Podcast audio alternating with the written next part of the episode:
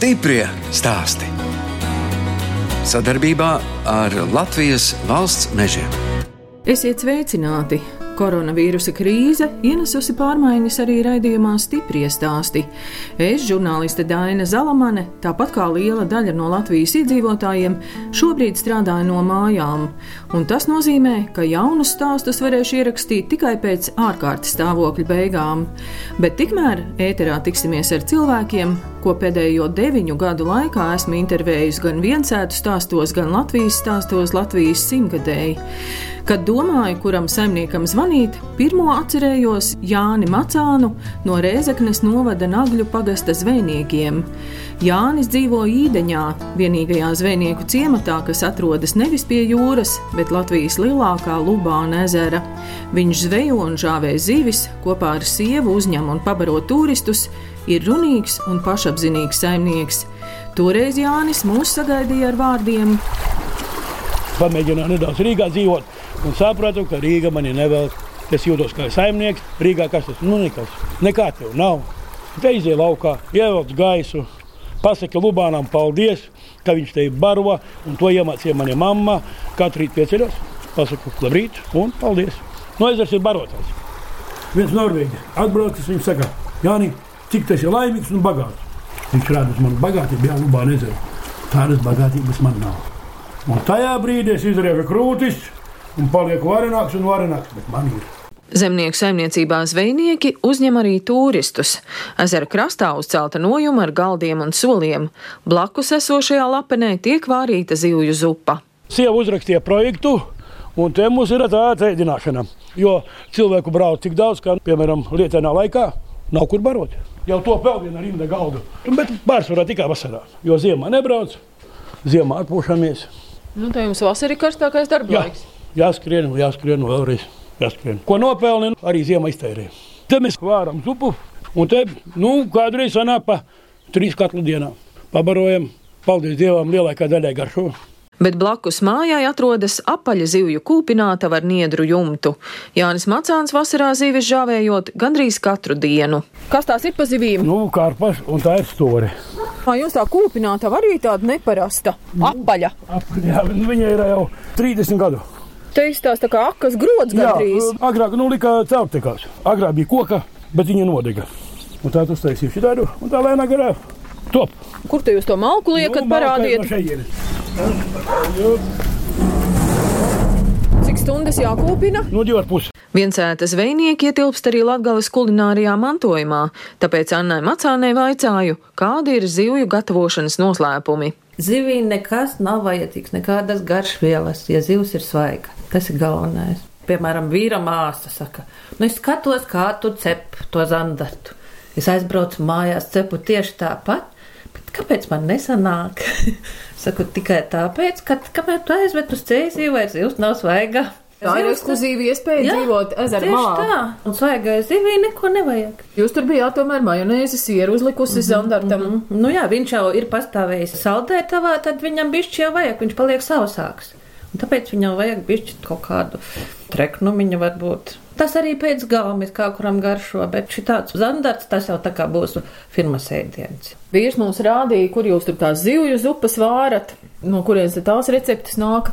Tā ir klasiskā zivju zupa. Vispār jau zivju zupa ir ļoti dažādi. Ir makšķernieku gaumē, tie, kas samakšķerē turpat pie ezera un vāra, un tad ņem ūdeni no ezera, un tad jāpielīr šņabis obligāti Jā, klāt. tas ir dzirdēts, jā.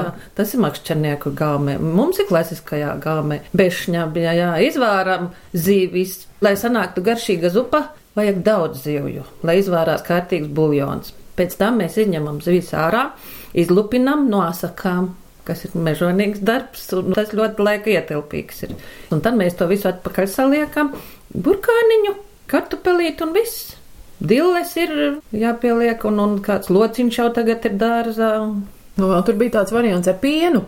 Jā, tas ir atkal kā ar latviešu galmē, nu mūsu pusē ir bijis. Kādreiz uztaisām, bet mums kā nav piena, piens pie kafijas, protams, ir. Paņemam no kaimiņiem, bet tā pienā nevāram. Kas vēl tie jūsu firmas ēdieni? Žāvētas karpas. Visgaršīgākā ir tieši karpa žāvēta. Bet karpas tad jau nāk nevis no ezera, Jā, bet no, no nagļu zivs zivsaimniecības. Tas ir visgaršīgākais. Zandartu žāvēt, nu, tā ir postīšana zandarta. Jā, daži prasa, nu, kaut ko citu izžāvējiet. Zandartu vajag cept, cept dažādos veidos viņu var, un tad viņš būs garšīgs. Arī asarīši ir ļoti garšīgi žāvēti. Zvejniekos Allaš svin svētkus, īpaši līgo vakaru, un tad dzied visu nakti līdz pat rītam. Vislabāk patika atbrauca no, no Dienvidamerikas. Sākām dziedāt. Ai, viņi vienu tik dziesmu mācīja. Vairāk viņi nemācīja. A, mēs sakām, protams, vairāk. Jo mēs dziedam. Redz, kas ir politika jau var aptikusi. Atdziedāt, tu nodziedi, aizbrauc mājās. Neesi sastrīdējies. Saprotiet, kā saka par politiku, parasti strīdi notiek. Nekā nav pozitīva. Tā dziedāšana noteikti atslābina cilvēku, izdziedies, aizbrauc mājās ar labām emocijām. Es uzskatu, ka dziesmai pilnīgi pirmā vieta. Nav jābūt baigām dziedātājiem. Kādreiz ir pārmet, ka tur netur ritmu, vēl kaut ko tur. Galvenais, ka tu dziedi. No sirds. Jā, no sirds ir. Un mums lielākā problēma, piemēram, atbrauc Rīgas svētkos. Atbrauc no Rīgas divrindnieki. Kas, kas? Divrindnieki. Divrindas viņi zina. Un vairāk viņi nekā nezina. Dziedāt neprot. Jāizdod lapiņas ar dziesmu vārdiem. Uh, mēs tā arī darījām. Sarakstījām vienu gadu. Mēs varoties jādzied visu nakti. Tev neredz. Jānis Macāns arī pa telefonu stāsta par dziedāšanas tradīcijām zvejniekos. Ko zinām, to dziedam, un visi sajūsmā brauc. Starp citu, pagājušajā gadā arī mums bija Mārtiņš Cirmais. Viņš man pienāca, saka, klausies, saimniek, nesaprotu, par ko tad dziedat. Es saku, Mārtiņ, mācies valodas. Tas arī tie mums ir bija pagājušo gadu. Baigi daudz bija vācieši, zviedri, somi. Brauc un mācām visus, kā jūs domājat, latgaliski. Parasti aprīļa sākumā zvejniekos sāk uzņemt turistus, putnu vērotājus, jo Lubāna ezera apkārtnē ir reģistrētas pat 225 putnu sugas. Šogad turistu nav, tomēr, kad zvanu Jānim Macānam, viņš vienmēr kaut ko dara, darbojas savā mežā vai kaut ko remontē. Parasti mums sākas turisma sezona ar aprīli, tad, kad sākas putnu vērotāju laiks, kaut kur pusaprīlī, bet šogad jau putnu ir pielidojis sen. Šogad vispār viss ļoti ātri. Tulpes ir uzziedējušas mēnesi iepriekš. Viss kaut kas notiek ļoti, ļoti agri. Ne tā kā parasti, un arī visi putni salidojuši. Putnu vērotāji droši vien šopavasar nebūs, bet gan jau būs mūsu vietējie cilvēki pavasaru. Par to mēs arī nu, neuztraucamies. Kā būs, tā būs. Badā mēs, es uzskatu, ka nepaliksim. Mēs ar kopā pie kaimiņa diķi izvējojam. Ja? Viens otram palīdzam, viņš arī ar mēdu tur ņemas, viņš man mēdu kādreiz iedod. Jo laukos lielākais draugs ir kaimiņš. Varbūt man kaimiņš nepatīk. Es jau viņu nevaru pamainīt. Un man viņš paliek labs. Otrādi arī es palieku viņam labs. Kur tu vari samainīt kaimiņu? Tur vari, kā tu gribi, tu, ka tu sāksi tur kādu kaši, tā muļķības lielākās. Tā kā mēs ar kaimiņiem sadzīvojam visiem ļoti labi. Un es tā domāju, ka arī, kad to dzīvosim savu dzīvi, tā arī būs, jo tas ir lielākā vērtība. Lubānā nekā nu, ar makšķeri tu vari ķert, bet tādus kā ar tīkliem un murtiem šau līdz jūnija sākumam pilnīgi izslēgts. Sāksim ar jūniju, tad tas notiks kaut kas. Manam tam draugam ir zemes īpašums, bijušos nagļu zivsainiecības dīķos. Pēduši mēs esam. Bet paldies Dievam, baigi daudz cilvēku brauc, it sevišķi tagad, nu, kā mūsu mājas nosaukums zvejnieki, kā te zivs jums nav. Tā, tā arī žāvēja, var iebraukt tur. Nopirks, cerēsim, ka nav ne bučošanās, ne rokas spiešanas, nekā nav. Katru reizi arī ievērojam to sievas attaisīt, tos līdzekļus, nomazgājam rokas. Kaut kas jau ir jāievēro. Varu izstāstīt par tām kotiem zivju. Parasti man kā, nu, es jau arī tāds ar humoru, ka braucu kādreiz, nu, kad tur zvejojām, aizbraucu uz reizekni kādu zīvi pārdot, viņi tur novait. Man te jātīra, man tikko eiro remonts, dzīvoklī. Es saku, kam te viņu tu taisīji? Nu, kas tu nevar notīrīt. Es iemācījos tik tālu, ka braucu uz reizekni, notīru zivis un tirgoju pat notīrītas zivis. Un tad prasa par receptēm. Es saku, paņemat samaļat zivis ar visām spurām, ar visām centrālām masakām. Nu, labi, tur galvu nogriez. Ir te vajag, ka izņemsi žaunas arī un samaļ ar smalko sietu, piemaļ vēl kaut ko burkānu. Var sakot mājās, kas nav vajadzīgs, kabacik burkānu, kartupeli, kirģi un uztaisi to kotleti. Un liels, liels ir mīnus tam kotletiem, ja, kas sāk cept vienu panu, otru, Un ēdu, un ēdu, un ēdu, un ēdu, bet kad ir siltas, un visi brīnās, nu nevar būt, kā tā, tik vienkārši. Anna Macāni ir vides gide un turistus bieži ved uz tīrumnieku dabas taku, kur arī pati rod spēku ikdienas darbiem. Šobrīd, ārkārtas situācijas laikā, taka ir slēgta. Vispār tur ir viskaistākā vieta pasaulē. Arī tagad, arī ziemā, šogad jau es arī ziemā aizēju, jo īsti tāda ziemas nebija un atcerējos, kā vienu gadu janvārī bija uziedējušas ārkausa kasandras, un domāju, ja šogad ir tik silts, nu jāaizbrauc paskatīties. Janvāra sākumā, jā, uziedējušas kasandras, safotografēju, bišķu rokas atsaldēju, bet bija ļoti, ļoti skaisti. Un tagad tas objekts ir slēgts, jo tik daudz cilvēku brauca no pilsētām uz to purva taku, jo tur ir tik skaisti, tik jauki ka beigās eh, valsts meži ir uzlikuši aizliegumu vismaz uz šo karantīnas laiku. Tas ir bēdīgi, sevišķi priekšpilsētniekiem, jo tā bija ļoti jauka vieta, kur aizbraukt un atveldzēties. Purva tā, ka tagad ir slēgta, nu es ceru, ka tas ne uz ilgu laiku, jo tad, kad sākas ziedonis, tad, kad visas puķes sāk ziedēt, tad ir brīnišķīgi. Tur vienmēr ir brīnišķīgi. Un pagājuši gadu bija tik silts pavasaris, jau visu aprīli bija saulīte un silts, un tas ezeriņš bija piesilis. Un aprīļa beigās mēs jau sākām peldēties, jo tur arī īpašā pelde, tīrs, mīksts ūdens, un tiešām noņem visu kā ar roku. Īpaši mūs neietekmē tā krīze. Tas, ka mēs nebraucam uz pilsētu, mēs parasti braucām reizi nedēļā uz pilsētu iepirkties, un arī sakārtot visas darīšanas, kas ir reizeknē darāmas, tad tagad mēs nebraucam jo mums ir pilna māja redzamo. Mums ir pilna saldētava ar ogām, sērnēm, ar medījuma gaļu, kartupeļi, ķirbiji. Viss mums ir un Jānis zvejo zivis. Mums visa kā pietiek.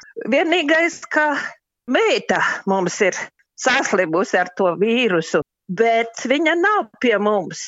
Nu, viņa mums ir kā pasaules cilvēks, un, un viņa studē doktorantūrā, raksta disertāciju. Viņa studē Gēteburgas universitātē doktorantūrā Zviedrija. Bet viņa tikko bija aizbrauks uz Parīzi, papildināties, stažēties pie profesores vienas. Un tad no Francijas viņa atveda. Jau trešā nedēļa tagad iet. Un es bišķi tik satraucos, jo grūti elpot ir. Nevar dziļi ievilkt elpu, bet temperatūras lielas nav. Par to es tā uztraucos bet pārējais jau it kā neietekmē. Bet nu, mēs klausāmies to rādio. Par daudz ir tas, ka katru pusstundu klausies, cik ir saslimuši, cik ir nomiruši. Un es domāju, ka cilvēkiem tas stipri dod pa nerviem. Un ka tad varbūt vajadzētu, nu, varbūt retāk to teikt. Jā, nu, lai visiem izturība šajā laikā. Stiprie stāsti.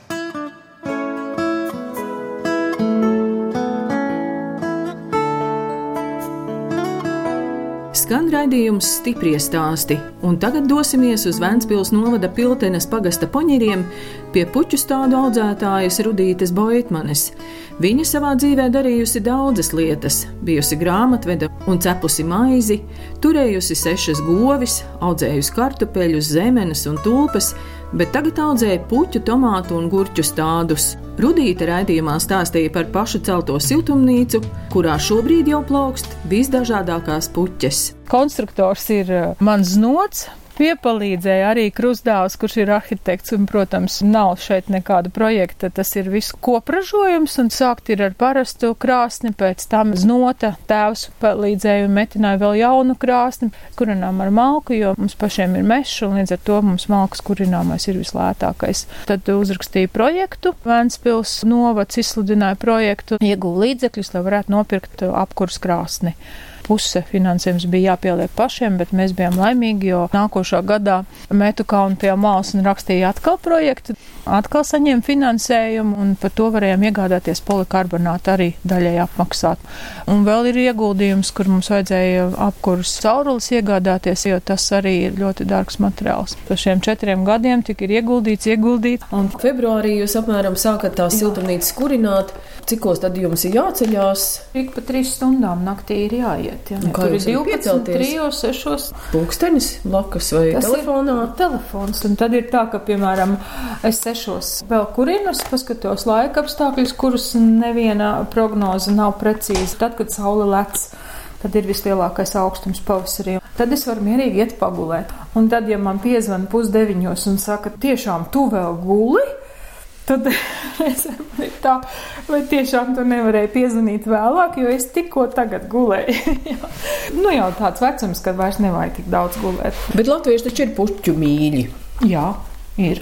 Man ir prieks par to, ka Vēncpils tirgu, piemēram, sestdien nāk jauni cilvēki, tie, kas ir ieguvuši privātu mājas, un tie, kas jau gadu gadiem, tie jau ir izlutināti, tie jau zina, ko viņi grib. Es gribu palepoties ar saviem rododendriem, vasaras rododendriem, tie ir jau piektais gads, pašas sēti no sēkliņām, Un uh, rododendru gudrības man ir iestāstījis dārznieks Leons Lepe, kurš ir taisaulē.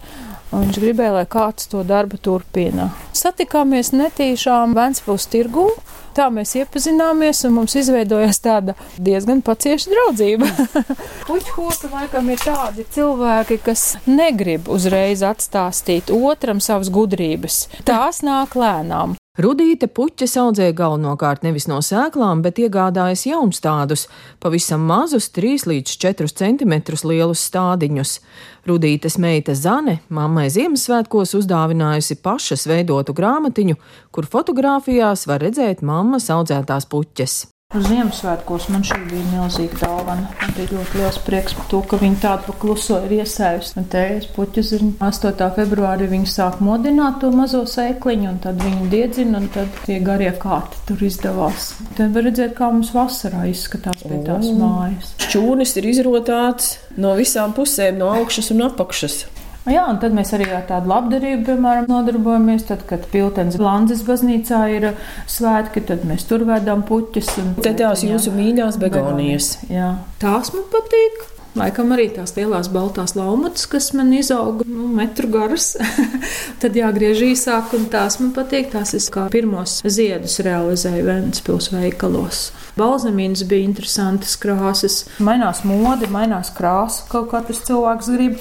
Un tad man ļoti patīk tā, kad atved kastes, es viņas um, apstādu, kādu laiku ieauguši augi un tad aizved klientam. Ar to man patīk darboties. Un ja tas klients četrus gadus jau nāk pie tevis, jācenšas, lai nāk arī piekto gadu. Te, piemēram, pie Piltens vidusskolas ir puķu dobe, tad ir pie Piltens domes puķu dobe. Katru gadu mēģinam kaut ko savādāk. Tur ir dzeltenās begonijas, un tās dzeltenās ir begonijas, baltās ledus puķis, un tad ir krustainas. Dekoratīvas, sudabīgas. Jā, un tad Piltenē jau otro gadu bija izgatavotas tādas koka kastes, kurās tad ir pavasara ziedi, tad ir vasaras ziedi, un tad līdz vēlam rudenim šogad jau diezgan ilgi, visu oktobru varējām Tad es tur aizbraucu, ja kāds ir noziedējis, nomainu un, un cenšos, lai būtu piltenē arī skaistums. Mums arī pie piltenes zvirbuļupītes bija kastes, braucot iekšā piltenē, lai ir kaut kāda skaistuma. Kad ar Rudīti Boitmani tikāmies pirms trīs gadiem, saimniecībā bija viena siltumnīca, tagad pašu spēkiem uzcelta otra. Rudīti sazvanu siltumnīcā. Jā, klausos. Jā, es tagad esmu siltumnīcā, jā. Skatos, kur kaut ko vajadzēs šodien apliet, ko vajadzēs pamēslot un tā saudzināts ir un sasveicinos katru rītu ar savām puķēm un es viņām saku, nezinu, kur jums tālāk ceļš vedīs, bet tāda ir situācija, protams, mums ir visiem puķniekiem tāda, bet tikai mums ir tā problēma, ka mēs esam tālu no Ventspils, tomēr 25 km un pa ceļam ir divas stādaudzētavas, nu, daudzi nebrauks garām divām stādaudzētavām, kam ir liela pieredze un nebrauks tālāk, bet kāds varbūt tomēr atbrauks un es gaidu Ir jau arī veci klienti, bet nu patreiz ir klusums. Rudīta Boitmane stāsta, ka nauda, kā katru pavasari, ieguldīta puķu un dārzeņu sēklās un stādos, bet nopelnīts vēl nav nekas. Nav arī zināms, kā beigsies Vēncpils pilsētas apzaļumošanas projekts. Šogad mēs kopā ar meitoni Znotu oktobra mēnesī izvirzījām sev ļoti lielu nu, izaicinājumu, var teikt. Mēs piedalījāmies Vēnspils izsludinātajā komunālās pārvaldes konkursā par uh, ziedu pieaudzēšanu Vēnspils puķu kastēm un puķu traukiem. Un tas bija ļoti liels darbs, kurš bija jāiegūda, lai sagatavotu visu pieteikumu, un tā ir ļoti liela atbildība. Un izrādās, ka mēs šai konkursā esam uzvarējuši, un tagad mums ir ļoti, ļoti daudz ziedi, kas gaida Ventspili. Ventspilī galvenokārt mums ir nokaranās pelargonijas, Viņiem patīk petūnijas tieši sērija vista, kas ir ļoti izteikti daudziem ziediem un ar nokarenu augumu, dažādas verbēnas, kas jau rāda ziedu krāsu. Un tad Ventspilī patīk dālīs. Man daudz atnākot šeit un skatās, un tev jau zied dālīs. Es saku, jā, mums jau zied, jo māja sākumā viņām jābrauc uz Ventspili, un viņas nevar būt tikai maza auguma. Augiem jābūt lieliem, izskatīgiem, jo tās kastes ir jāsastāda šeit, un gatavas kastes jānogādā Ventspilī. Tas ir ļoti liels un atbildīgs darbs, un Citreiz ir tā, ka naktī pamostos un bailēs domāju, vai es to varēšu, jo pieredzē tik lielam apjomam, protams, nav. Nu, vairs nav varianti, ir jācenšas un jādomā, lai tikai būtu labāk un skaistāk. Kopumā jāizaudzē 3,5 tūkstoši augi. Ventspilī. Tas ir pēc projekta. Mums ir gatavs projekts, mēs nevaram tur izdomāt, kā mēs gribētu stādīt. Mums ir noteikts krāsas, daudzums katrā kastē un katrā podā, tā kā pašiniciatīva tur nekāda nevar izpausties. Tur mēs nevaram izvēlēties kaut ko citu, mums ir tikai augi tā, kā mums ir noteikts projektā. Tāds bija mūsu mērķis, lai mūs pamanītu, ka mēs tomēr arī varam, mēs esam maza saimniecība, ka mēs tomēr varam arī to izdarīt. Ne tikai var atvest puķis, vai tās ir vidzeme vai latgals puses, bet arī, ka te kurzemnieki kaut ko var. Tāda bija tā doma. Bet tā pasaules situācija šogad korekcijas ievieš. To mēs neviens nezinājām, ka tā būs. Tikko man zvanīja no Vēnspils, var teikt, mani apbēdināja, jo Vēnspilī ir līdzekļu samazinājums, izsludināts par puķu iegādi līdz jūlijam. Tā kā es nezinu vēl, kas notiks ar šo projektu, tas arī vēl nav zināms. Piltens pilsētā ir izliktas kastes, puķu trauki, tās pati apstādu, pēc tam apkopu, aplaistu, un man liekas, tas tad nav tā finansiāli, vairāk tas ir priekam, lai arī Piltens pilsētai būtu kāds skaistums. Šajā nedēļā vēl bija augsts sākumā, tad uz, es domāju, uz līdz lieldienām piltenē būs skaistas kastes ar ziedošām tūpēm, narcisēm, atraitnītēm. Tāds ir plāns. Pašvaldība ļoti atbalsta. Ja es arī jautāšu pēc kādas palīdzības, tad nekad atteikumu neesmu saņēmusi līdz Ventspilī šīs kastes, ko es jums stāstīju, būs jātransportē, tad pašvaldība apsolīja, ka palīdzēs ar transportu, lai es nesatraucos, tiešām jūtu atbalstu no pašvaldības. Šogad ir ļoti skaistas solēnijas. Pagājušā gadā bija ļoti pieprasīts, bija tāds Valentino Pink un Valentino White, kas ir ļoti izturīgas un ļoti skaistas tādu. Protams, viņām vēl ir laiks, viņas patreiz tikai cero un riež pumpurus, bet maija sākumā sākumā begonijas un solēnijas būs ļoti lielā izvēlē. Cilvēki arī šīs puķis izvēlās, jo viņām ir ļoti ilgs ziedēšanas laiks un prasa mazāk uzmanības nekā, tu, piemēram, petūnija, ja tu nesalaistīs katru otro dienu un nepievērsīs uzmanību. Petūnija var uh, apstāties viņai tā ziedēšana, bet begonija pacietīs un tikpat labi var cilvēki izbraukt un atgriezties un solēnī vai begonī gaidīs, nekas nenotiks domāju, ka sestdien ir jāaizbrauc, jāpiesaka sevi Ventspils tirgū. Cerams, ka tur nebūs vēl karantīna uzlikt, ka tur varēsim izpausties un nu, kaut ko pārdot. Un šogad, tā kā zinādama, vairāk ir iesāti tomāti, gurķi, paprika. Gurķi jau ir ziedoši, bet tos patreiz laikam tik labas siltumnīcas retam, kuram ir apkurināms, tā kā tādus var dabūt jau tagad, un pašiem jau gurķi zied un ir aizmetušies mazie gurķēni. Tā kā jāpāriet laikam ir uz ēdamām lietām šogad vairāk. Pavasars vienmēr puķniekiem ir grūts, jo jāpērk ir granulas, minerāli mēsli, kūdra, paši stādi. Tā kā izdevumi pavasarī tiek ļoti lieli. Klausos, ka citi cilvēki runā, ka Dievs saka, Dievs, es nezinu, ko mājās sadarīt. Tas varbūt mūs glāb tādā ziņā, ka mums par to nav jādomā. Mums katru dienu ir ko darīt un plāni uz dienu ir sastādīti diezgan lieli, bet dienas beigās stundas ir pa maz un nav izdarīts viss, kas ir sacerēts no rīta. mums atkal ir tā, tādā ziņā mums drusciņ tā glāb tā situācija, kad lauku sētā, man liekas, nekad nav tāds brīdis, ka nav ko darīt. Kad vaicāju, kas labs Rudītas Boitmanes dzīvē noticis, Viņa stāsta, ka 25. marts, kad arī viņas dzimta tika izsūtīta uz Sibīriju, vairs nav sēru diena. Pirms diviem gadiem, tieši 25. martā, piedzima mazdēls. Vilberts piedzima 25. martā un zīmīgā dienā, tajā dienā, kad mūsu senči tika izvesti uz Sibīriju, un, un tāpēc mums vienmēr 25. cik mēs varējām, mēs vienmēr savus tos atcerējamies vai kapsētā, vai mājās iedegot sveci, vai izliekot karogu ar sēru lenti, bet nu mums tas ir beidzies. Divus gadus atpakaļ mums vairs karogs nav ar sēru lenti, jo Vilbertam par godu tiek izkārts karogs. Senči, protams, tiek pieminēti, bet es saku, Mūsu mājās bēdas beigušās tādā ziņā. Vilberts ir ļoti mīļš un gaidīts bērns. Un ļoti, ļoti priecājos. Tāpat kā Jasmīnīte, ka mazmeitiņai jau ir astoņi gadi un liela meitene un labi mācās skolā. Un tas ir tas dzīves lielākais prieks, protams. Omei neko vairāk nevajag, ka veseli un labi mazbērni. Neziņa ir pats tas trakākais, kas var būt, kad nezinu, kas būs rīt. Tas neskar tikai mūsu personīgi, tas skar visu pasauli. Tā kā cerēsim, jā, ka kaut kas uzlabosies. Es gribēju novēlēt visai latviešu tautai, ka mēs esam daudz, mēs esam spīdzināti no visādām varām, no visādām iekārtām. Mēs esam izturējuši, un arī šis vīrus mūs noteikti, noteikti neuzvarēs. Gan būs gudrs galvas, kas mācīs atrisināt šo situāciju, un izturēt. Mēs visi kopā varam. Un galvenais, vislielākā vērtība ir ģimenei, lai ģimene un arī draugi nenovērstos, neielīstu katru savā dzīvoklī un nebaidītos, bet tomēr viens otru atbalstītu kaut vai ar zvanu, kaut vai ar uzmundrinājumu. Un ka mēs varam, un mēs izturēsim visi kopā.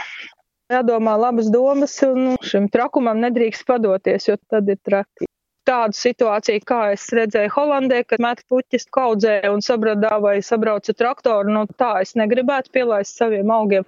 Vienalga, lai arī kā būs, tad es viņus dāvināšu jebkam, kam vajadzēs, ziedēs dārzos, tad apstādīšu ceļu no Ventspils līdz Piltenei, gar ceļu māli izlikšu podus, bet uh, kaudzē noteikti nemetīšu.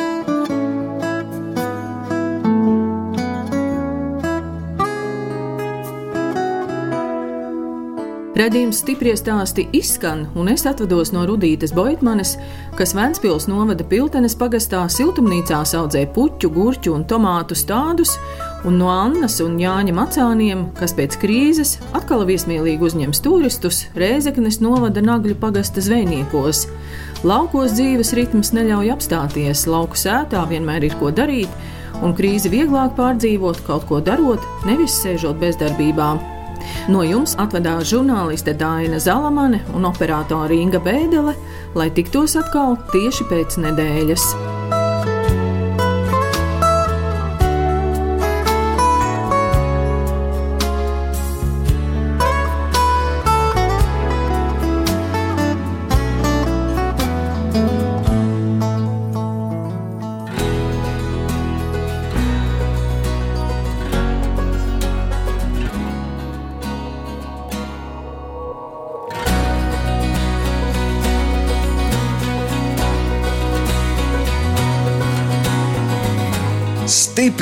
Stāsti.